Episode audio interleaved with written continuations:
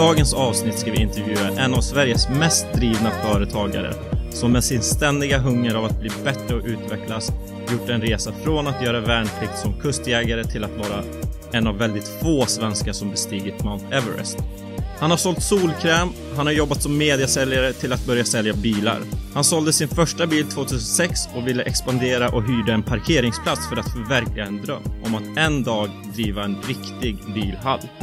Under vägens gång har stora aktörer skrattat åt honom, han har blivit hånad och fått höra att han ska vara realistisk när det kommer till hans ambitioner. Han har gjort det som är orimligt i mångas värld till helt rimligt i sin egen. Hans realitet idag är att han driver Sveriges största firma inom begagnade bilar.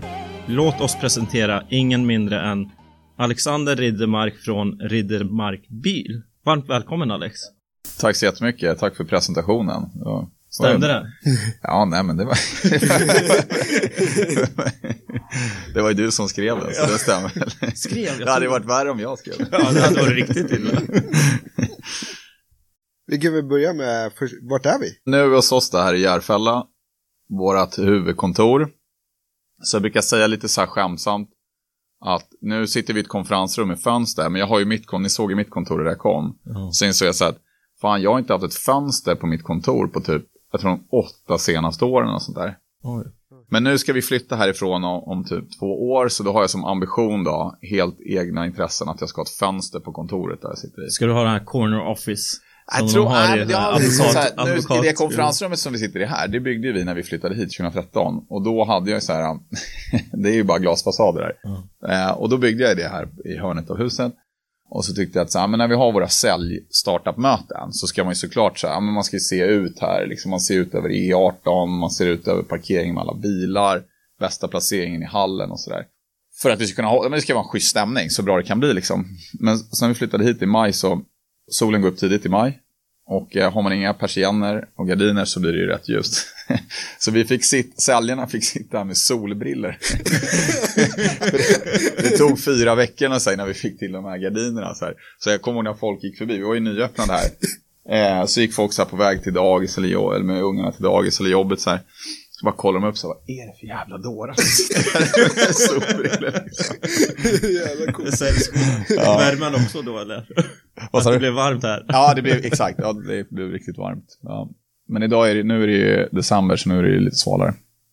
Ja, men ska vi börja med frågor kring försäljning? Vi får säga tack att du ställer upp på den här podden Verkligen. som är till och för säljare och kundservicemedarbetare. Och Absolut. Du, du var lite tveksam i början. Att, ja men TM-podden, eh, vad är det? Men när jag berättade att, ja men det är till säljare och sånt så nappar du ändå. Nej, men absolut. Nej, men jag kände väl att kanske min erfarenhet inom telemarketing är ju inte jättestor. Och så, så. Men sen så när du berättade där att ja, men det är ju en podd som riktar sig till man kan säga, säljare som, som har en bakgrund eller har en karriär i att lyfta lur. Exakt. så kände jag så här att men det är ju fantastiskt. Det är ju någonting som jag själv, min säljbakgrund eh, började ju så med att just sitta och lyfta lur. Och sålde ju annonser i olika eh, magasin, tidningsmagasin. Men att jag inser också så här att mycket av det som jag propagerat för i den här organisationen där vi ändå är idag, så här 75 säljare, är ju att liksom, telefonen som verktyg är ett fantastiskt verktyg. Mm. Och jag inser ju själv med min egen karriär att jag använt telefonen otroligt mycket. Mm. Och att de, de grunderna som jag fick, för nu är det ju länge sedan, alltså det är ju väl 15 år sedan nu liksom, men, men att just sitta, ringa, lyfta lur, ringa de här kalla samtalen, få presentera sig, få öva olika infallsvinklar, olika presentationer och så. Att det är så här, blir man bra på det så kan man ju ta sig fram, alltså man kan, man kan vara väldigt effektiv under sin dag. Mm. Och sen generellt att jag tycker att alltså, fler människor borde intressera sig för, för försäljning. För att tittar man i näringslivet, oavsett vad du gör, vilken position du är på, så är det så här att ha bra förståelse och tro kring försäljning, det kommer att göra förutsättningarna bättre om man vill bygga ett framgångsrikt bolag. Mm. Jag tror att många, alltså jag tror att många bolag idag skulle må bra av att ha personer på ledande befattningar som har en tung bakgrund inom försäljning. Mm. Men man väljer kanske människor istället som har en så här tung akademisk bakgrund. Mm. De kanske har mycket kunskap och så, men att ha liksom, tung erfarenhet inom försäljning, det kommer vara mycket lättare att leda ett bolag. Mm. Ni hade någonting om uh, utan CV va? Ja. I er rekryteringsprocess någon gång. Vi kör det fortfarande faktiskt, vi kör det till och från, men eh, vi, eh, alltså vi, vi har alltid haft en, en, eh, säger, en inställning till att vi gärna rekryterar människor som, som kanske inte har direkt erfarenhet från branschen. Mm. Som kommer från andra, de kan komma från andra branscher eller inte ha någon erfarenhet. Och sen så har vi, eller jag har en tro på att det finns mycket personer som är duktiga, som kan bli duktiga på försäljning men som kanske inte riktigt vet vad det är eller vet att de, de har de egenskaperna som, och attityderna som krävs. Så när vi har byggt upp mycket av våra rekryteringar så har approachen varit så här att ja, men vi är inte så intresserade av personens CV, utan vi är intresserade av eh, drivkrafter, attityder och sådana saker. Så vi har byggt upp casebaserade rekryteringar där vi testar personens attityd, förmåga att reflektera och även då kan man säga så här, grundkunskaper i försäljning. Men vi är inte så hårda på när vi säger så här att okej, okay, det ska vara en duktig säljare. Vi tittar mer på så här, vad, vad blir eh, utvecklingskurvan på den här individen. Och då måste man ju testa. Då kanske man testar ett säljscenario. Så vill man se att personen kan reflektera över hur det gick. Och det är egentligen ingen fara om det gick dåligt. Mm. Så länge personen kan reflektera över det och förändra, eh, förändra sig till, till nästa scenario. Och ser man det, då får, de, de, individerna, de har ju några saker. De har ju oftast en vinnarattityd, att de, de vill någonstans. Och sen har de en förmåga att kunna reflektera sin egen prestation. Och har man de sakerna, förmågan att reflektera och en inre drivkraft, då tror jag att då kan man gå nästan hur långt som helst. Men har du träffat någon som eh, själv inte tror på sig, men du tror på den personen? Och utvecklat den personen? Ja, men, men här, vinnarmentalitet, för det är vissa ja. som inte tror att de är vinnare men ändå så har ja, de, men det lägger de den tiden för att bli Absolut. vinnare. Absolut, det kan jag nog till viss del känna igen mig själv i. Mm. Alltså från när jag var ung. Så när jag, man säger mitt första säljjobb som jag fick så, så var jag nog rätt så nervös inför det. Jag hade inte så bra koll på vad försäljning egentligen innebar. Eh, och hade nog så många så här, så många människor har att så här, vadå, antingen köper ju kunden eller inte. Och så tror jag, det är, så här, det är, det generella inställningen. Det är, så här, det är den generella inställningen så här, i Du ringer samhället. och frågar bara. Ja, exakt. Ja, men typ så. vad, vad då liksom? Ja. Kanske du ska börja införa det här, vill du köpa? Jag, tro, jag tror att många, många som jobbar som säljare idag till och med har den inställningen. Nej, men så jag hade nog den, den, den, eh, så här, ja, men den kunskapen hade jag, jag hade inte mer än så. Så jag var såklart jävligt nervös. Men ändå så här, förmådde med att så här, testa det, prova det. Jag kommer att jag tyckte det var jättejobbigt i början, så här ringer de här första samtalen. Men liksom fortsatte, hade en bra säljchef. Eh, bra människor runt mig som stöttade och sådär. Så, att, eh, så, så jag tillhörde nog inte den kategorin av säljare som var bara helt orädd och bara kastade mig ut direkt. Nej. Utan det var nog många rädslor som jag fick övervinna. Och lite hjälp på vägen. Och vilken var största rädslan då? Ja, men såklart så jag misslyckas. Ja. Alltså det är ju så, det är ju, man, ingen vill ju misslyckas. Nej. Och det är väl något man, det får man jobba med tror jag som individ hela sitt liv. Det kan man göra på olika sätt. Antingen så är man ju bara orädd mm. och sådär. Men det tror jag, till viss del kan de personligheterna ibland, du vet, köra lite in i, köra ner i diket. Mm. Jag gillar nog mer det här människor som kanske är lite rädda, alltså så här, det finns ett uttryck som säger så här, rädd men modig. Det är relativt bra. Mm. För att då har man ändå respekt för de sakerna man ska göra, men man har ändå modet att övervinna sina rädslor. Ja. Och den typen av individer har vi som kommer hit också, som kanske är, de är, de är nervösa inför ett säljscenario de ska göra, man ser det på dem. Men de övervinner sin rädsla mm. och gör det. Så det, det tycker jag är bra grejer. Jag såg också, om jag gjort min research rätt här, ja, ja. Eh, att du använde uttrycket kameleontiga. Att bra säljare var kameleontiga, att de kommer anpassa sig i olika situationer. Har jag uttryckt mig så? Ja. Det var någon intervju där ja. Ja. han, han, har gjort research. ja, jag kan ha uttryckt mig så. Ja men såklart, och det, är väl, det behöver man väl vara. Sen Kameleont låter ju som ett så negativt laddat. Ja. Men det behöver ju vara... Anpassningsbar. Ja, precis. Anpassningsbar, absolut. Mm. Självklart. Alltså en form av social talang. Liksom. Eller jag tror så här, har du det, jag tror inte att du nödvändigtvis måste ha det för att bli en bra säljare. Men ska du bli en superduktig säljare så behöver du ju ha viss social skills.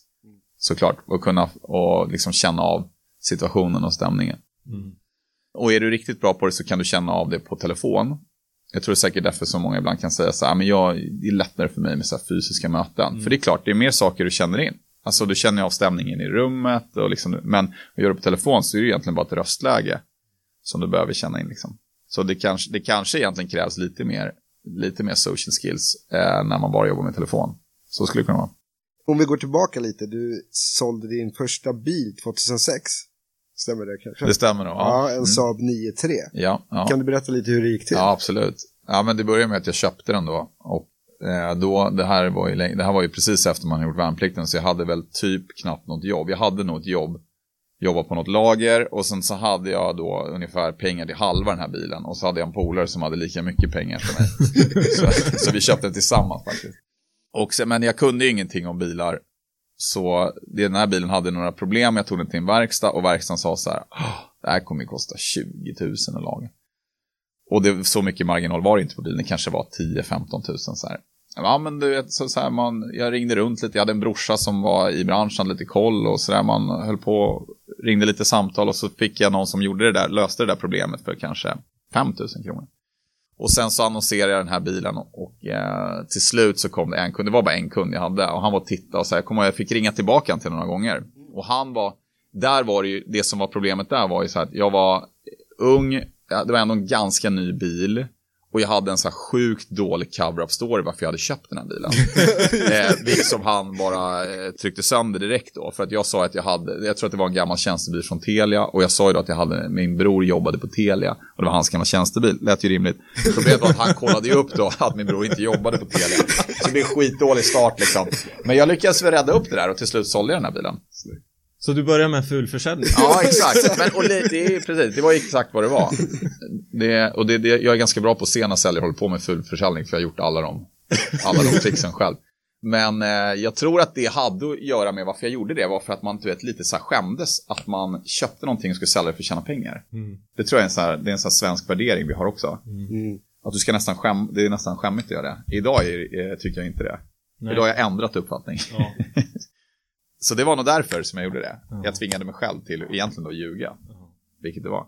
Men det gick bra, så jag fick ju vara ärlig till slut då. Och då lyckades jag sälja den här bilen. Och det var ju en sån här enorm bekräftelsekänsla, kommer jag ihåg, att jag ändå hade...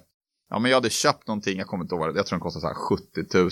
Mm. Och så sålde den för kanske så här 85 000. Och eh, den här bekräftelsen av att så här, jag hade ju liksom skapat pengar. Mm. Genom att göra någonting lite annorlunda. Genom, istället för att då bara liksom arbeta och få betalt per timme. Och det tyckte jag var rätt coolt. Så det blev någonting att bygga vidare på. Men känner du det här med att du körde den approachen att äh, men jag säger att min eh, bror jobbar på Telia och Kom det någonstans ifrån att det var din bild av försäljning? Att ja, men det är kanske ja, det så kom, man ska? Ja, exakt, helt för, rätt. Förut var ju bilhandlare var lite så här, det är så man ska kränga ja, bil. men jag tror så här, socialt arv och eh, att, att liksom försäljning är någonstans att så här, vrida och vända och, och eh, egentligen kort och gott liksom eh, skarva. Mm att det var det det var. Men det är inte det det är. Nej, verkligen inte. Det, men, men det tog ett tag innan man insåg det. Och jag tror tyvärr så kanske många säljare börjar sin säljkarriär med att tro att det är det det är. Det, är, liksom. det är de enda filmerna som uh, visas, eller hur? Ja, exakt. Uh, Wolf of Wall Street och uh, ja, Glenn Gary, Glenn Ross och ja. allt handlar ju om fulförsäljning. Ja. Det är inte så här bara, ja ah, men här har ni de duktiga säljarna nej. som är helt i affären. Nej, nej. Så att, liksom. det är inte så konstigt att vi får den bilden. Ja. Det är ungefär samma sak som SVT ska, ska, ska vad heter det, filmatisera någon som driver ett bolag. De är alltid, de är alltid kriminella. ja, ja. Det, är, det är liksom alltid i slutscenen så visar det, det är alltid han som är mördaren eller någonting sånt. Men, men hur många tittarsiffror skulle du få om det var, ja men här har du hel, hel yllekille. Skittråkigt. Pappa går upp klockan åtta, ja. går till jobbet, kommer tillbaka. Nej, säkert inte. Skickar mail till Skatteverket. Ja. jag och Safin brukar prata mycket om hur man startar sin dag. Hur startar du din dag? Mm.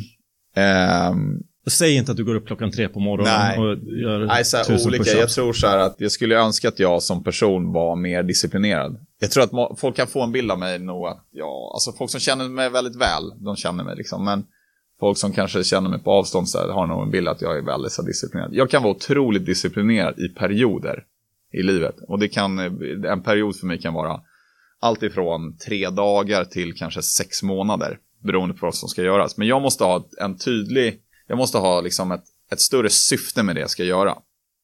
Så jag brukar oftast göra så här att ja, men i tillväxtperioden, när bolaget befinner sig i en tillväxtperiod, då är jag väldigt dedikerad. Och då startar jag min dag ganska bra. Liksom. Så här, går upp tidigt, äter frukost, är på jobbet tidigt och kör på. Liksom. Och så kör jag ungefär tills jag liksom inte pallar mer. Eh, och det, de som jag jobbar nära, då har jag, jag har som lite gjort upp med dem att de vet vad som gäller ja, men jag kör på. Och sen så kommer en sån här period när jag så här, nej men nu måste jag bara ta det lugnt liksom. Så att som min dag idag, den startade med att jag gick upp med min grabb, vi skulle äta frukost men vi la oss i soffan och kollade på julkalendern. Sen åt vi frukost, sen så gick min sambo Lotta upp och hon gick till dagis med honom. Och sen gick jag ner i källaren i gymmet och tränade. Och sen åkte jag hit. Så, så jag var säkert inte här förrän klockan 11 liksom. Men då är det en sån period när jag känner så här, men det har varit, nu har det varit mycket, nu har vi tryckt på mycket. Jag behöver mer vila än vad jag behöver normalt. Så jag är väldigt, jag har inte ett, eh, jag har inte ett fast schema hur jag alltid startar min dag. Jag är ganska flexibel i mina rutiner. Det är så här på gott och ont. Jag tror att i de här perioderna så är jag extremt effektiv. Och i de här lite viloperioderna, då är jag inte särskilt effektiv. Tror du smittar av sig på säljarna på golvet också? Ja, det, så här, om jag skulle ha daglig kontakt med någon säljare så skulle det absolut smitta av sig. Ja. eh, och lyckligtvis idag så har jag kanske inte det då. så, eh, så det är klart att det gör. Jag hade en period i mitt liv när, alltså jag har ju, den här resan med det här bolaget har ju varit väldigt bra liksom. Men jag har haft perioder när det inte har gått så bra. Jag hade en period när, när det inte gick bra och jag inte pallade vara på jobbet. Och vi förlorade pengar och det, ja men saker och ting var inget bra. Och då mådde jag ju dåligt. Och då var jag, när jag var hemma då så kom jag att jag sa till min tjej så här, jag bara, men alltså bara bolaget går bra, då kommer jag må bra. Men då lärde hon mig faktiskt en sak som jag tagit med mig, som jag har gett råd till andra entreprenörer. Att, då sa hon så här, men Alex, du har helt fel. Det är tvärtom. När du mår bra, då går bolaget bra. För det är klart att så här, min energi, den smittar av sig jättemycket. Men vad var det som gjorde att du vände på det då? Nej, då fick jag hitta andra saker. Uppenbarligen så mådde jag inte bra av att engagera mig i bolaget. Nej. Så fick jag hitta andra saker som gjorde att jag mådde bra. Det var ju som en liten, eh, det var som ett projekt jag fick göra med mig själv. Och vad gjorde du då? Reflektera med vad jag gjorde. Jag åkte iväg och åkte skidor med min gamla styrelseordförande. Eh, kom hem, mådde lite bättre, började träna. Träffade kompisar som jag kanske inte hade umgåtts med så mycket på sista tiden. Åkte hälsa på en polare som bodde uppe i Gävle. Du vet, gjorde ingenting med honom, gick på bio och gick och tränade och så här prata med mycket människor, prata med andra människor, fundera över vad som är viktigt i livet och så här. Och sen till slut så hittar man tillbaka till den energin, mm. så mår man bra. Så jag tror att det är jättemycket. Jag tror att alla människor behöver, eh, man behöver liksom hitta de här verktygen för att jobba med sig själv. Och se till att man hela tiden befinner sig i ett läge när man mår bra. Och det är något som jag genom åren tror jag, och det, det, kan, ju, det kan man ju som säljare också ta efter. att det, det ser man ju ofta på säljare så här, när de när de går ner sig så att de, ja, de mår inte bra, då, det, det går inte att prestera bra. Ja, det är, alltså, att, att vara säljare eller att driva ett bolag, det är egentligen inte helt olikt. Liksom. Det handlar ju om, du ska ju utstråla någon form av positiv energi, du ska sända någonting, du ska ge mer än vad du, än vad du tar och så här. Så att, därför behöver man ju hitta ett sätt att man kan befinna sig i ett läge där man må, över tid mår ganska bra. Men kom du tillbaka som Alex 2.0 eller kom du ja, tillbaka absolut. som... Starkare och kanske lite mer medveten om också så här, vilka saker eh, som kan dränera min energi. Eh, så att mycket av det, mycket av alltså, bolagsbyggandet för mig har ju varit också att hitta sätt, trots att vi blir större och man säger att ansvaret egentligen ökar, men att jag mer och mer får fokusera på sånt som jag mår eh, bra av. Eh, och inte har sagt att så här, men jag gör bara det jag tycker är kul, liksom. så skiter i resten. Men mer och mer försöker göra det. Så, och för, för ofta är det ju så att det som man kanske inte tycker är så kul, det är man inte he heller så hemskt bra på. Nej, det blir svårare att motivera sig själv ja, till exakt. att Och då kan man ju välja så här, antingen är man ju som någon sån här uh, fyrkantig person som säger att jag ska utveckla mina svagheter. Och det är klart, till viss mån får man väl göra det. Men jag är ju mer utav den approachen att så här, det är bättre att utveckla sina styrkor. Mm. Och jag har ju den fördelen eftersom jag har ett stort bolag att då är det bättre att jag hittar personer som pratar samma språk som mig men som kanske är bättre då på mina mm. svagheter. Men tänkte du så i början också? Att eller var det one man show du skulle köra själv? Nej, det var det ju one man show. Ja. ja. Och då var det ju fler perioder i livet man hade där man kanske då, så här, inte gick in i väggen, men man dränerades på energi. Ja. För att man gjorde för mycket av det som man kanske inte är bra på och man heller inte tycker är roligt. Nej. Så uh, det där har varit um, liksom min personliga resa. Att hitta de grejerna som jag mår bra av.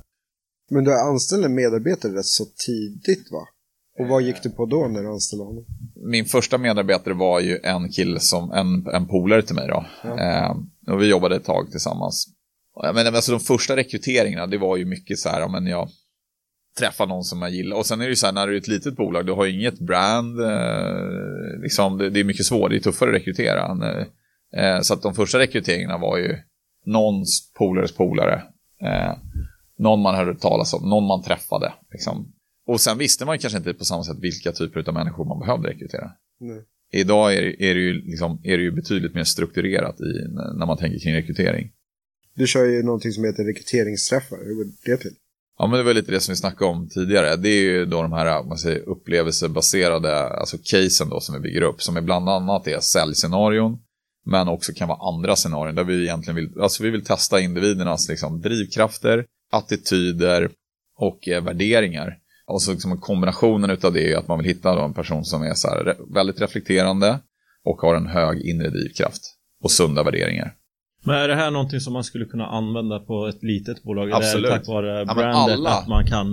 Nej, men alla skulle kunna använda sig av det här. Det här alltså, idén för det här fick jag ju när jag gjorde min värnplikt som kustjägare. Mm. För att när man skulle då göra lumpen då, det här är ju ett tag sedan, men på den tiden då så gjorde man ju först så mönstrade man sig hos Pliktverket, det gjorde alla. Och sen fick man söka separat då, om man ville komma till kustjägarkompaniet. Och så fick man komma dit och så var man där med en övernattning, så en och en halv dag typ. Och då började man med att göra fystester och sen gjorde man lite logiktester och så gjorde man intervjuer. Och så utifrån det så togs man ut då, om man, om man ansågs lämplig. Och det som slog mig var ju så här att eh, några år efter den utbildningen, så här, jag slog så att fan, alla de här människorna som jag gjorde värnplikt med, det är jäkligt bra snubbar liksom. Alltså så här, det har gått ganska bra för alla.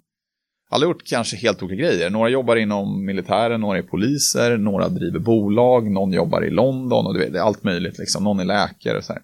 Men alla är ganska reflekterande individer, alltså så här, bra snubbar. Vilket jag insåg så här, men vad, fan, vad var det för grejer vi gjorde där? Så insåg jag så här, men det var ju de här, de här testerna var ju ganska, det var ju många saker, men testerna var ju som så här steg ett, att säkerställa att så här, men det här är individer som man då ville bygga vidare på. För att det, det blir ju som liksom att alla hade samma, i stort sett samma värdegrund, samma drivkrafter, eh, absolut. Alltså vi var ju drivna individer som ville lyckas med den här utbildningen. Och det blev lättare att bygga effektiva team. Och vi var ganska effektiva som grupp. Och det är ju det som jag har försökt ta med mig till det här. Så att det man säger så här, slutprodukten, det man får ut, den värdefulla slutprodukten, det är ju att man vill bygga värd, alltså effektiva team. Det är därför man gör det här. Mm. Det har de på fredagar också. Det är verkligen dedikerat. Eh, nej, men eh, de ursprungliga testerna gick till så här att vi hade en vardagkväll då, låt säga en torsdag, där man hade liksom en första selektering, en gallring. Och då hade man lite enklare kunskapsprov. Man hade en säljaudition och så tittade vi på, vi ville sätta som någon slags lägsta nivå. Alltså, okej. Och där kunde vi inte se om personen verkade vara särskilt reflekterande, utan då satte vi som en lägsta nivå. Och sen så är steg två, det är en helg. Eh, där man då kom hit då på fredagen och sen så var testerna klara på söndagen klockan 14. Och testerna var hemliga för dem, för de är det för de sökande. Vi byter ju ut innehållet löpande. Sen har vi testat lite olika varianter med att köra en hel dag till exempel, som har visat sig vara ganska framgångsrikt. Där vi har komprimerat ner de här sakerna, tagit bort några saker som vi kanske insett att de är inte nödvändiga. Och så har vi adderat på mer, mer försäljning. Och ett av de säljscenarierna vi testar, då sitter vi och ringer med telefon. Med sam, liksom, eh, alltså medlyssning då. Vi spelar in samtalen och vi lyssnar. Och vi coachar på de här samtalen. Och då vill man ju se liksom, den här förmågan då att kunna reflektera och förändra sig. Då. Vad, vad tycker du är bästa? Du, nu har du sagt reflektera eh, som säljare och sånt, men eh, som du tycker, ja men det här är viktigt, viktigt för mig hos säljare och deras mentalitet.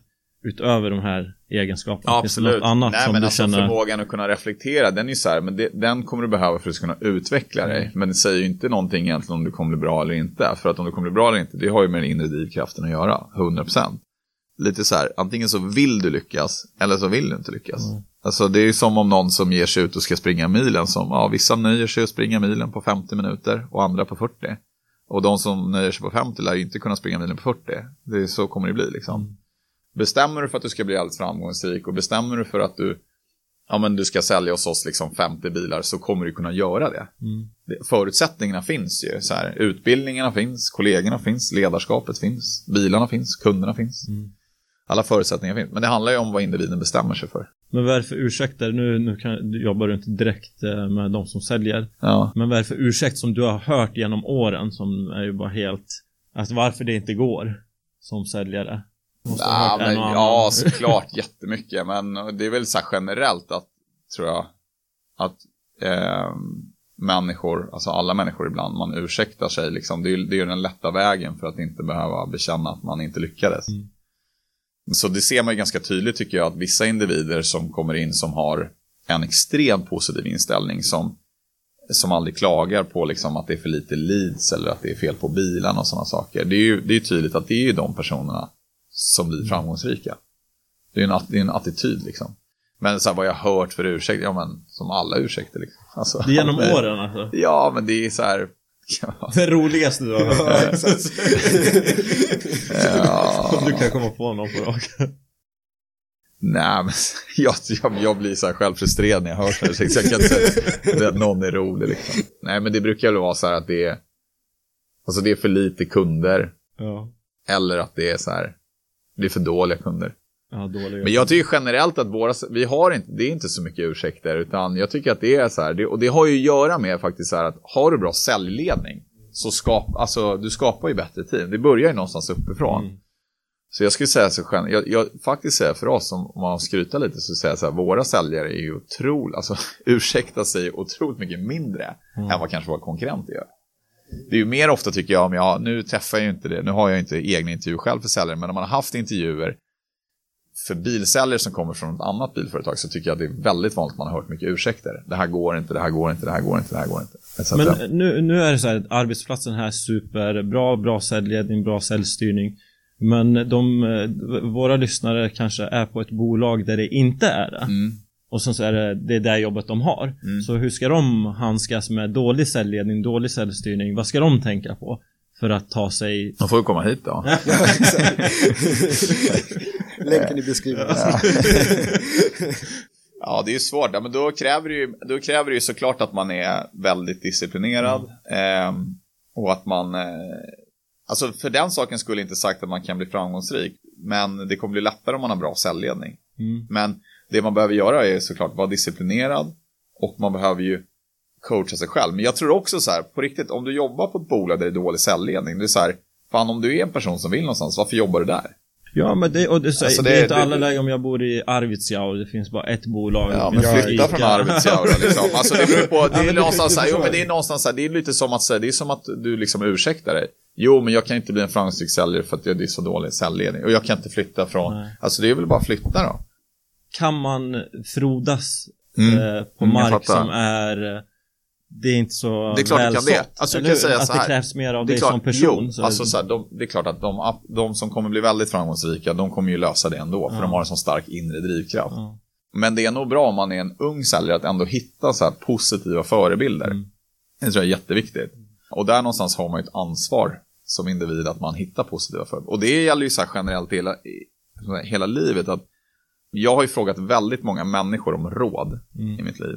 Men jag har ju också lärt mig att så här, i, i början frågade jag väl kanske allt och alla. Mm. Och det var ju samma sak som när vi, ja, men det var samma sak som när vi skulle bestiga Mount Everest så frågade jag massor med människor och syns. Och jag fick oftast, råden var oftast i stil med så här att nej, vad fan ska du göra det, det är jävligt farligt och, och det är ju, det är ju inte säkert att det kommer gå bra. Alltså det var mycket så här mm. råd som någonstans stipulerade i att så här, skit, skit i det där.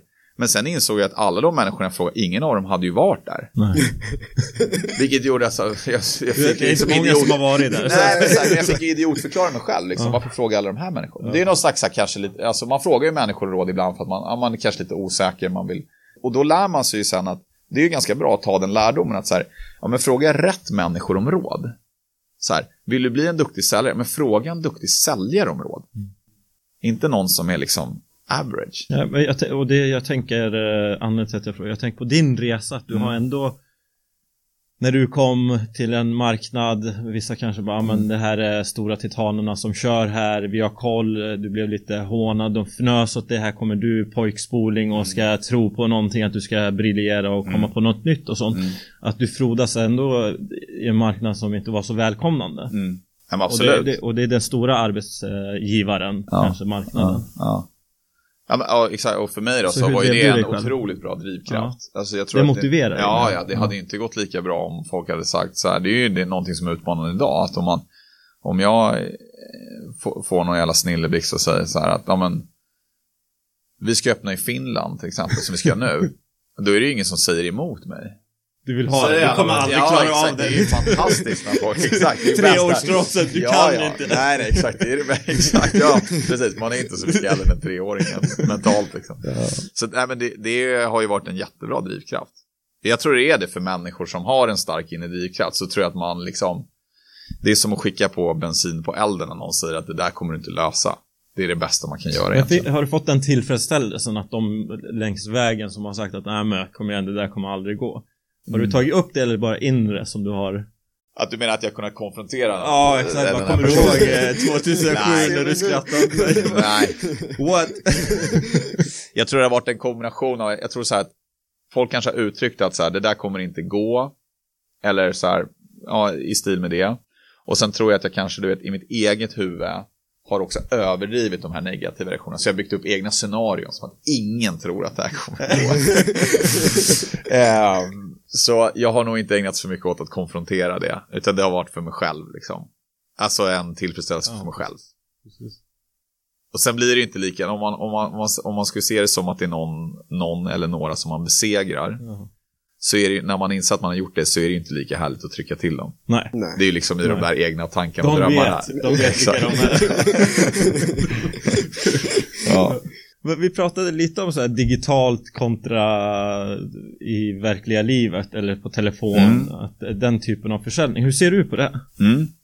Ja, men det, är, det är en jätteintressant eh, fråga liksom. Och jag tror att eh, det, det, är klart att eh, försäljning till viss del kommer att bli mer och mer digital. Mm.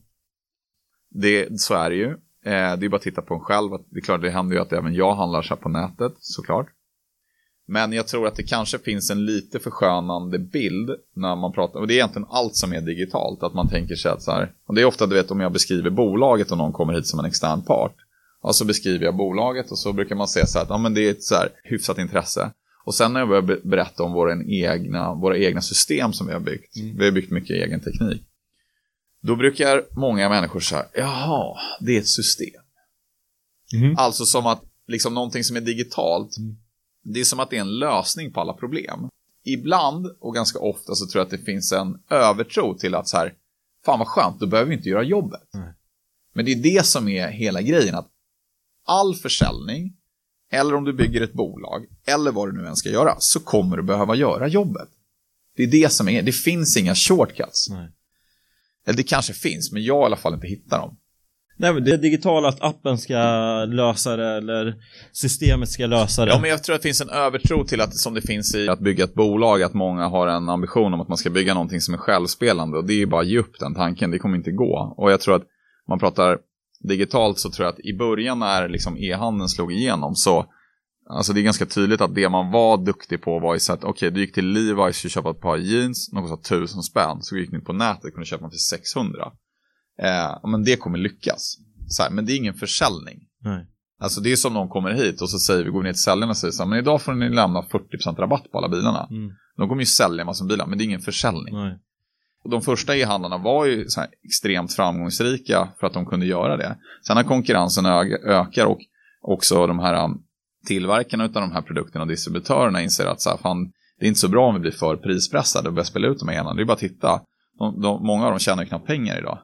Och vissa kommer att lyckas och kommer tjäna jättemycket pengar. Men det kommer vara de som orkar göra det här jobbet. Att, och, och någonstans ska man komma ihåg att om du ska ersätta en digital försäljning med en fysisk säljare. Då är det ju det du ska göra. Du ska just ersätta en, en fysisk säljare. Och det är klart så här, till viss del, ja det är lättare att skala upp. Mm. Du behöver inte liksom köra ett introprogram för alla de här personerna och, och underhålla dem. Men mig veteligen så blir jag i alla fall mer påverkad utav en person som jag tycker om än utav eh, liksom, om jag går in på en sajt och ska köpa någonting. Men, Men ni har någon sån här hemkörning eller? Ja, absolut. Ja. ja. det har vi börjat jobba ganska hårt med. Den är ju liksom relativt manuell den processen. Det är som ett erbjudande till kunden. Och det ser vi att det är många kunder som väljer att få bilen hem istället för att behöva komma hit. Självklart. Men, men eh, tillbaka till det här med digital försäljning så tror jag så att ja, det kommer ju växa jättemycket. Men jag gjorde en ganska schysst köpupplevelse själv. Jag köpte en larmlösning av ett larmbolag. Mm. Och då stod det mellan liksom en, en sån här stor drake och så det här andra bolaget. Då. Och det första bolaget, då ringde jag dem och då gick det till ungefär som jag hade tänkt mig. Så, ja, men här bor jag, kan ni komma ut med någon som berättar vad jag ska ha? Ja, så kom det ut någon gubbe där och gick runt och kollade så fick jag någon offert. Så om jag gillar inte dem så jag ringde till det andra bolaget. Eh, eller man, man la in sitt telefonnummer på deras hemsida som en leadsgenerator och så mm. ringde de upp. De fick ringa några gånger men till slut fick de tag på mig. Mm. Och, så sa, och jag tänkte att det kommer gå till på samma sätt. Så jag la i boken en tid nu och så sa så, ja men när kan ni komma förbi och titta? Och så, så ja, alltså vi, vi kommer göra som så här att vi har tre paket mm. och du får välja mellan de här olika paketen. Mm. eh, så, okej, okay, så tog jag det där liksom all, all inclusive paketet. Eh, och så bok, kom det, bokade in en tid och så kom det ut någon kille då. Och han kom ju med så här snickarbyxor och kameror och allt möjligt och så. Och så var det ju av honom jag köpte alla de här merförsäljningsprodukterna. Mm. Och då insåg jag så att men de hoppade ju över offertförfarandet. Mm. Det är mycket på, och det är ju så här, det är genialiskt. Mm. Och jag som kund gillade det. Mm. Så jag tror att så här, där någonstans skulle du kunna göra med våran, alltså den businessen som vi håller på med. Det, det, är, liksom, det är någonting sånt som vi behöver bygga. Och det är egentligen det vi gör, fast vi mm. gör det i en kanske lite mindre skala då. Men jag tror att det kommer bli mer digitalt inom bil, eh, bilvärlden. Jag, jag vet någon som försöker lite som har ja, Men det, det tror digitala. jag, vi är ju mer digitala idag. Mm. Vi har ju som så här, man säger våran vi, vi, vi, gör ju tre grejer så här. Vi köper bilar, vi gör ordning dem och vi säljer dem. Och när vi tittar på det, när vi köper bilar som vi kallar för vår sourcing, så är ju den idag, när man säger så här, till 50% nästan digital. Och den bygger ju på att vi annonserar på olika sajter, eh, vår egen sajt. Och eh, erbjudandet vi har till kunden är att du, kan, liksom, du skriver in ditt regnummer, telefonnummer och hur många mil den här bilen har gått. Och sen så återkommer vi med vad vi kan tänka oss betala för bilen. Och det är ju en helt digital leadsgenerering. Men sen ringer ju en säljare upp och pratar med kunden. Och det gör vi för att vi anser att eh, eh, ja, men vi får bättre konvertering om vi gör det och kunderna uppskattar det bättre.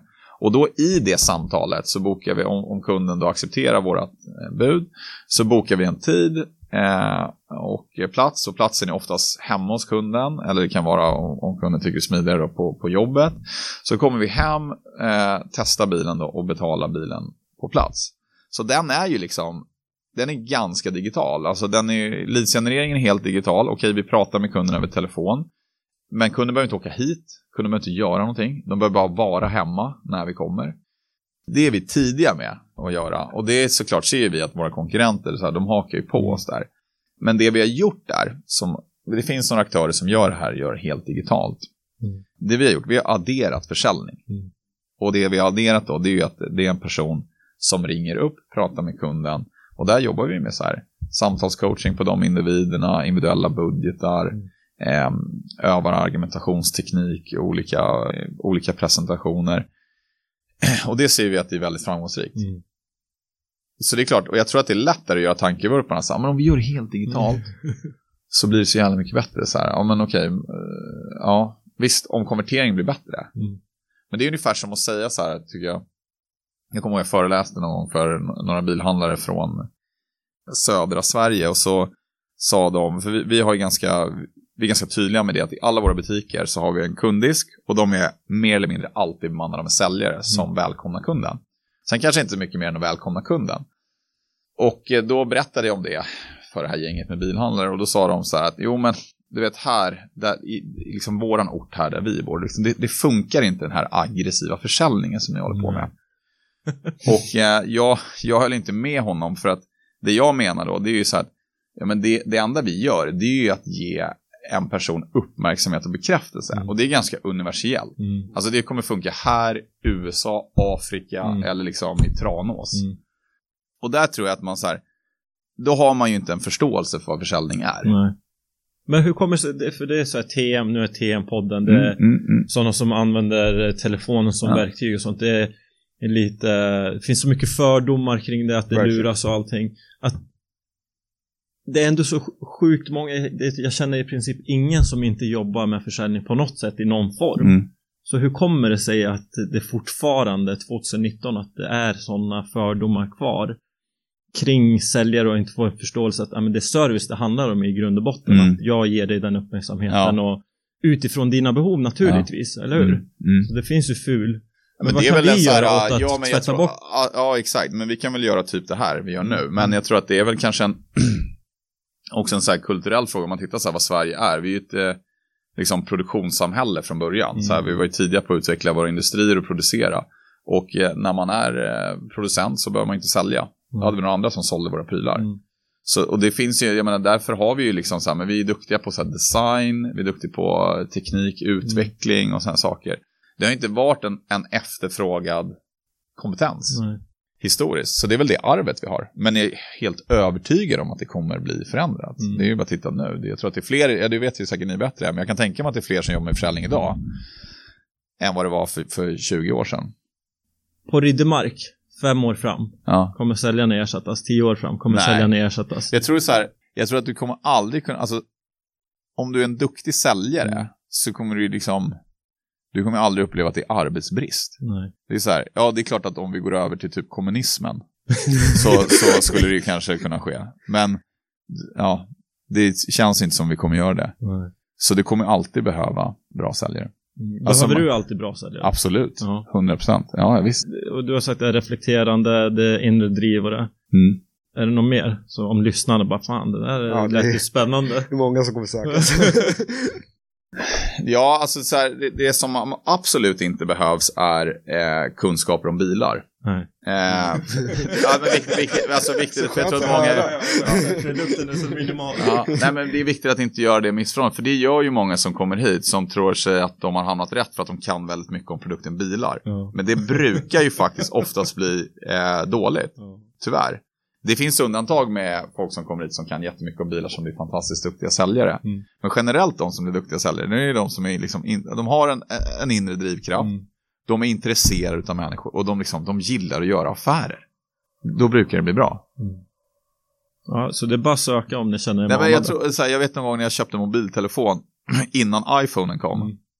Så idag har väl de liksom flesta en iPhone. Men, och för mig har det varit så att jag i alla fall haft en iPhone sedan den kom. Mm. Vilket gjort att när jag ska köpa en ny telefon så är valet ganska enkelt. Men innan det så gick man ju till någon sån här butik, jag tror den hette Geab the Phone House. Och jag hade ju som en sån här kravspec, om jag skulle kunna så här smsa, fot, alltså ta bilder. Och så vill jag ha liksom på det, så här ett bra minne så jag kunde spara många telefonnummer. Mm. Det var liksom, det var det jag behövde. Jag behövde ing- många telefoner. Ja, men så här, jo men det var ju det här var länge sedan. Ja. Men, men eh, så jag hade en ganska tydlig kravspec. Jag var tydlig med den här säljaren. Han frågade säkert så här, ja vad är du ute efter? Så jag rabblade väl upp det där. Och då började han ställa följdfrågor. Så här, okej, eh, men har du funderat på så här, 3PRS, GPR, bara så här, what, fan, fuck that liksom. Och det slutade med att jag kan säga så här, när jag kommer in i en butik och köper något, då är jag, alltså det, är, det är svårt att hitta en mer motiverad kund. Alltså jag är ja. helt Ja. avslutsfokuserad, jag ska bara köpa ut därifrån. Ja. Men han lyckades få mig att gå därifrån utan en telefon. Så han bara gav mig massor med allt. Helt plötsligt fanns det 30 telefoner jag måste liksom titta på vilken som är bäst. Det blev bara, åh vad saker." jobbigt, ja, jag skiter i det här. Så att det jag, finns sådana ställen. ja, verkligen. Så- och det, så- det är en person, han var ja. säkert väldigt, väldigt produktintresserad. Ja. Han kunde säkert jättemycket om Ja. telefoner. Mm. Men jag, är inte, jag var inte intresserad av telefoner. Jag, ville, jag hade ju tre grejer jag ville att den här telefonen skulle lösa. That's it. Och det är ju det här som är med kameleonten om jag får koda om Mm. det, att man ska kunna anpassa sig till olika kunder. Så att det, det finns ju vissa kunder som kommer in och som behöver den här tekniska specifikationen. Ja. Mm. Men det är utifrån kunden så att vi gör den anpassningen till kunderna. Men generellt i stora drag, jag när jag köper bil då är det så här, den ska ta mig från punkt A till B, den ska vara fin och sen så that's it i princip. Exakt. Jag vill att det ska vara miljövänlig. Och det- är tre kriterier. Ja. Sen om någon börjar prata om newtonmeter Mm. och allting sånt, Mm. för mig är det grekiska. Ja. Så att det är jätteviktigt att kunna anpassa sig. Och, och det, så, Ja men exakt, och det ser vi då generellt att våra kunder, de är inte intresserade av newtonmeter. Nej. Utan de är, de är ungefär intresserade, de är intresserade av de där tre grejerna du rabblade upp innan. Ja. Och då är det ju liksom mer intressant om det är en person som kan plocka upp de sakerna, förstärka att de sakerna är viktiga och leverera på det. Har du någon fråga? Ja, jag hade ju en som var, ni hade ju ett motto att göra omöjliga saker möjliga, men han är ju klättrat Mount Everest och allting, så jag, skippar den frågan. Nej men jag kan ju fylla, men jag kan ju fylla i på den, så här, det är inte riktigt det då, men som vi som bolag alltid har, och det tror jag man, som många av våra säljare har, att vi, vi är väldigt tydliga med att kommunicera internt i vårt bolag alla rekord som vi tar. Alltså om en butik tar ett säljrekord och varje gång vi skickar, vi skickar ut eh, månadsbrev då, en gång i månaden, så eh, rapporterar vi liksom mycket med så siffror hur våra olika försäljningsställen har gått och våra affärsområden. Och vi rapporterar alltid vad rekordet är Mm. och vad månadens prestation är. Och det är helt ointressant för oss att göra här jämförelse. Att, ja, det är 15% bättre än förra månaden. Men förra månaden var ett helvete. Blir det som så här, det blir så här mjuk, det blir så här dagisverksamhet. Så här, fan vad duktiga vi är. Utan vi, vi kommer att säga rekordet. Det här är rekordet. Och varför gör vi det? Jo, för att rekordet ska slås. Mm. Det är liksom det enda syftet med att redovisa rekordet. Mm. Är det något nytt som ni har infört eller har ni kört eller? Nej, men vi har nog kört det. Sen, eh, vi har nog kört det länge. Sen har vi liksom satt det på pränt. Mm. Eh, och det har vi gjort så här, under hela det här året. Mm. Har vi gjort det tydligt. Och det gör ju att det blir också så här. Det blir en bra målbild för en säljare. Så här, men vad är säljrekordet liksom? Mm. Verkligen. Ja, vad är mitt egna säljrekord? Liksom? Vad har man sålt som mest på, i, i den här butiken? Så det är skitviktigt. Och det är den typen av individ vi vill ha. Ja, och det är på individnivå, det är inte på gruppnivå? Ja, på, eller? ja, i det här fallet så är det ju det vi kommunicerar, då är det de här butikerna. Mm. Då, är det, då är det på gruppnivå. Mm. Men vi kommunicerar även eh, på individnivå. Eh, men jag tror att det är starkt det där att du vet att så här, men jag har rekordet. Mm, ja, ja verkligen. Ja, shit. För de som är riktigt tävlingsinriktade. Ja, är man ny också så är det jättekul att ja. det finns liksom. Ja. Det här ska jag slå. Men kan du känna att det finns säljare i gruppen som bidrar utan att bidra till sin egen försäljning? Men de är bra teamplayer, att de får de andra att växa. Absolut. Det är oftast de personerna som blir eh, ledare hos oss. Mm. Man säger så här, utmaningen att det är ett ganska individuellt yrke att vara säljare. Men ändå bygga liksom en grupptillhörighet eh, och kunna bygga ett bra team. Där har ju, eh, man ska säga, hela säljyrket har ju lite utmaningar med att man jobbar med helt med individuell lönesättning. Mm. Men du pratar mycket team. Mm. Så att, och där har ju vi gjort, vi har gjort lite sådana här experiment med att jobba med alltså, gruppbonusar istället. Då. Men vi fick inte riktigt den effekten som, som vi ville ha. Då. Så vi jobbar, det vi jobbar med, det är liksom individuell mm. prestation. Men sen jobbar vi mer och mer med att du har liksom gruppbonusar. Som du har ett team kanske på åtta personer. Så ja men når du den här volymen, eller når ni den här volymen den här månaden, då händer det här. Mm. Eh, så en kombination av det där har visat sig vara bra för oss. Och eh, vill du, du, du drog det där med Saab-bilen och det där, du började med din försäljning. Sånt. Är det något misslyckande inom försäljning som du har gjort? Så här, något misstag som bara fan, det där som du kommer ihåg? Att ah, fan, det där samtalet var inte bra, den där försäljningen var inte bra. Och sen så ditt bästa sälj om du kommer ihåg det. Ja, Ja, men alltså... Ta ditt bästa säg. Ja men alltså dåliga saker. nej men jag har nog Ta det positiva Fan, måste jag tänka här. Ja, men... Det något såhär, den, den försäljningen var riktigt nöjd över? Mm, jag har, alltså så här, dåliga samtal jag, gjort, jag har nog jättemånga, alltså dåliga säljsamtal, men jag tror, då, jag har nog förträngt, jag har nog förträngt dem. alltså. ja. Så här, bästa om du kommer ihåg, ja men det där var fan. Ja, men så, så här, när det har gått bra kan jag väl att när man har gjort liksom bra sälj, då är det och det har ju på senare år blivit mer, vad säger så här, inte på telefon utan live-sälj mm. liksom.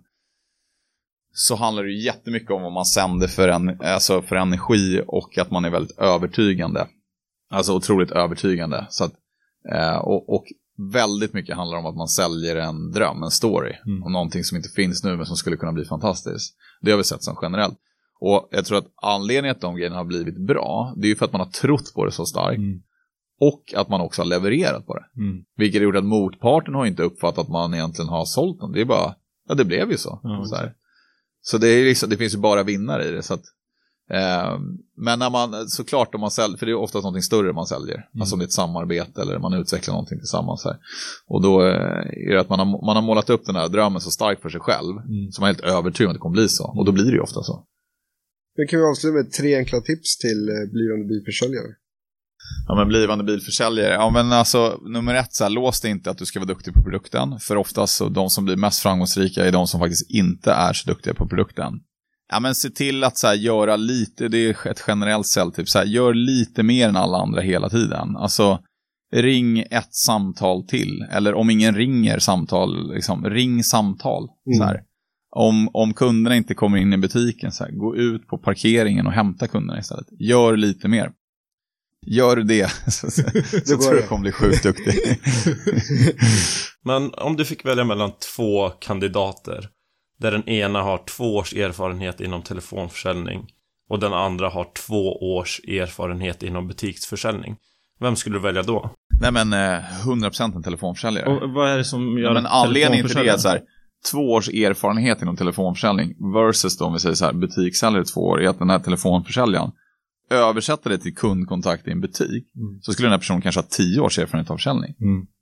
För du kommer ha gjort mycket mer, du kommer ha gjort mycket mer samtal. Och dessutom så är det ju så att en telefonförsäljare, om den har jobbat med det i två år, så har du hittat ett sätt där du hanterar de här, man ska säga, tuffa samtalen där kunden bara slänger på luren eller säger, eller tio kunder i rad bara säger nej tack, ring aldrig mer. Tack brukar de inte lägga till, de bara drar åt skogen. Ja. Bara, okay, ja. ja. Nej men och, och det, alltså har du den, då har du ju liksom en um, psykisk, eller liksom, du är stabil liksom. Mm. Så att jag tror att den, den personen har ju mycket bättre förutsättningar att lyckas inom, inom all typ av försäljning. Mm. 100%. Så för mig, om vi har personer som söker sig till oss som har erfarenhet av eh, telefonförsäljning så är det väldigt positivt. Använder dina säljare telefon, eller mm. telefonen som verktyg för att alltså, låsa affärer? Ja, så mer, mer och mer. Eh, vi kommer att jobba med det mer och mer. Eh, ibland kan det vara ett visst motstånd. Mm. Vi har ju ett team som idag jobbar med våran sourcing, alltså att köpa in mm. våra bilar. De jobbar ju uteslutande med telefonen som verktyg. Så de jobbar ju som ett, eh, liksom, det är ett innesäljgolv där de sitter och ringer mm. hela dagarna. Så, så här, mer och mer jobbar vi med det. Mm. Och vi ser ju att så här, gör vi det bra, eller så här, gör vi det så blir det ju bra. Mm. Och eh, det intressanta med telefonen som verktyg är lite som vi var inne på att ja, men, ja, men om du lägger en dag på att sitta och ringa på telefon så kan du du hinner ju med, du hinner vara så jävla effektiv. Och, och jag gör det ju själv, alltså startar upp samarbeten, ringer, hittar på grejer med leverantör, alltså vad det nu än kan vara. Och jag använder telefon jättemycket. Men vad händer, jag, jag sökte dig i Demark och sen så har du fått höra det någon eller ni, du kanske inte du då, att äh, men han, jag vill vara bilsäljare, jag vill inte uh, vara en telefonförsäljare? Absolut, ja. Men och, det är jättevanligt. Ja. Och oftast är de, blir de inte särskilt duktiga säljare. Nej. Det är jättevanligt. Alltså, att man är för fin för att... Ja, uh, ja men man vill inte göra jobbet. Nej. Det, det, det, man vill att kunderna kommer hit och köper bilar. Ja, helst ska de ta nycklarna själva. Ja, så, så, så. Exakt. Nej, men de som har blivit våra, eh, så här, generellt, våra mest framgångsrika säljare, mm. De har nästan alltid haft erfarenhet av telefonförsäljning. Mm. Det är liksom lite tyngre. Mm. Och jag är jätteglad att jag gjorde mina, så här, jag gjorde ju bara ett år som mediasäljare. Mm. Så superglad att jag gjorde det året. Det var ju, jag tror att jag hade nog inte haft den här utvecklingen på det här bolaget om jag inte fått de erfarenheterna mm. jag fick därifrån. Sen gick det ganska bra. Och så, men, men um, jag lärde mig, jag, jag, blev, jag var otroligt mycket bättre på försäljning efter 12 månader där. Mm. Men det var också så här, vi hade jättebra säljchefer, eh, det var duktiga kollegor, det var, liksom ett, det var ett framgångsrikt mediasäljbolag. Gjorde också att man var tvungen att lyfta sig själv när man kom dit. Som en liten, man var ju bara en, alltså en liten 22-23-åring liksom. Så hoppa in och bli telefonförsäljare. Nej, men jag tror att om du har så här, alltså har du mer, om du ska göra karriär liksom i svenskt näringsliv och så har du mer i att du är, det är väl jättebra om du har en akademisk utbildning, mm. det är mm. skitbra. Mm. Men det kommer bli fantastiskt om du har erfarenhet inom försäljning. Kommer du vilja säga att telefonförsäljning finns när din uh, lilla son blir, kommer du stimulera honom absolut, till att 100%. göra det? Ja, ja, 100%. Och det fältförsäljning också? Ja, absolut. Det tror jag också. Ja. Det, det ligger i paritet med det. Mm. det. det. det. är nog riktigt tufft också. Mm. Det skulle jag själv kunna ångra. Alltså, jag blir alltid imponerad när jag träffar någon som har ah, jobbat som luxsäljare i tre år. Liksom. Mm. Det, det är tungt liksom. Mm. Det är liksom om jag, om jag gjorde lump som kustjägare, det är som att man var Navy Seals liksom. Det är...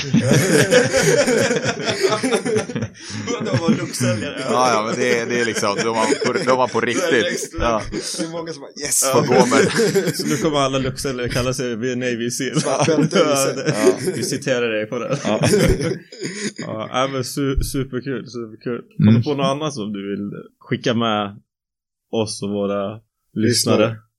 Nej, men jag tror att för min del när man med telefonförsäljning så tror jag att man, det man ska göra, det är att man, vilket jag gjorde mycket man jobbar, det är att man vågar pröva olika saker. Alltså att man och för mig var det bra för att, alltså det kan inte bli mer än att kunden lägger på. Exakt. Det är liksom det värsta som kan hända. Exakt. Och egentligen i ett möte så kan det inte bli mer än att någon reser sig upp och går. Mm. Alltså egentligen, men det kanske känns lite, det känns lite, lite, lite sämre liksom. Men det, det kan ju inte hända så mycket i det telefonsamtalet. Så så här, våga prova grejer liksom. Mm. Mm. Det, för man lär sig så otroligt mycket. Men oftast det som hindrar säljare det är till bara rädslan för nejet. Exakt. Så att du inte ens vågar ja. för, av den anledningen. Så ja. det är inte alla gånger där kunderna är otrevliga och säger klick, nej. utan det är bara det här åh, tänk om jag får ett nej. Mm. Och det är helt mm. intressant varför man är rädd för det nejet. Alltså. Ja. Det... Den nobben av tjejen. Ja, kanske. Det var lappen som man gick och lämnade över. Om ja. man gjorde det när man var liten. Ja, så man, ja, man vågade inte ta nej till det. men då ska man inte nej, mer nej-lucka nej. på lappen. ja. men, och, men där var, var ju för, Default var ja. Exakt. men man kan säga så här, där var ju det man prövade där. Ja. Det var ju ungefär som att skicka ett mejl liksom. Ja. Alltså det, du får, det är ungefär den effekten du får på att göra det. Samma konvertering där. Exakt, det är en ganska dålig konvertering liksom. Så, att, så att de som lyckades bra på det, det var ju de som sen utvecklade någonting annat än att bara skicka de där mejlen. så där börjar man egentligen. Det är ju det är starten till sin försäljningskarriär liksom. Nu när vi pratar löst, det här med det digitala, jag är så här helt i di, di, ditt spår att det är bra med människor och sånt. Alltså för mig är det när man har allting digitalt, då är det så, så himla lätt att göra slut. Ja. Med den personen. Det, Ja, det, det, ja, verkligen, ja. det finns inget band, det finns inte det här som Nej. att du går in till den här lokala pizzerian, du äter det hela tiden. Att du har ju ändå någon lojalitet där, Ja. men skulle jag jämt bara beställa Ja. den via Säg Foodora eller Ja. någonting sånt, då har man noll lojalitet Ja. till, till den restaurangen. exakt. Så att det, det här är Eller ju- om ja. du då kan kombinera då. Du skulle, jag skulle kunna se det som att det skulle kunna funka då, så här digitalt. Men då måste du ha en otroligt bra kundservice. Mm. Mm. För då får du en relation. Alltså, för det kommer ju alltid hända, liksom då och då kommer det skita sig. Och då behöver du ha en kundservicefunktion som Mm. funkar. Men om allting bara, jag tror den här illusionen om att allting bara är digitalt. Det tror jag, eh, för mig i alla fall. Jag ska testa det med min fru. Vi, vi är digitala eran. Vi kör allting via mail. en fantastisk kundservice. Jag svarar när du ringer. Det är inga dina problem. Ja. Nej, super, super tack eh, Alex att du fick eh, ta din tid och du Absolut. ville vara Ja. med i den här podden som Verkligen. är riktad till säljare och kundservicemedarbetare. Jag tror det är väldigt värdefullt för dem. Ja, För oss kul. också. Höra. Absolut. Ja, nej, men jättekul att vara med. Tack, tack för att jag fick vara med. Tack så mycket. Tack så mycket.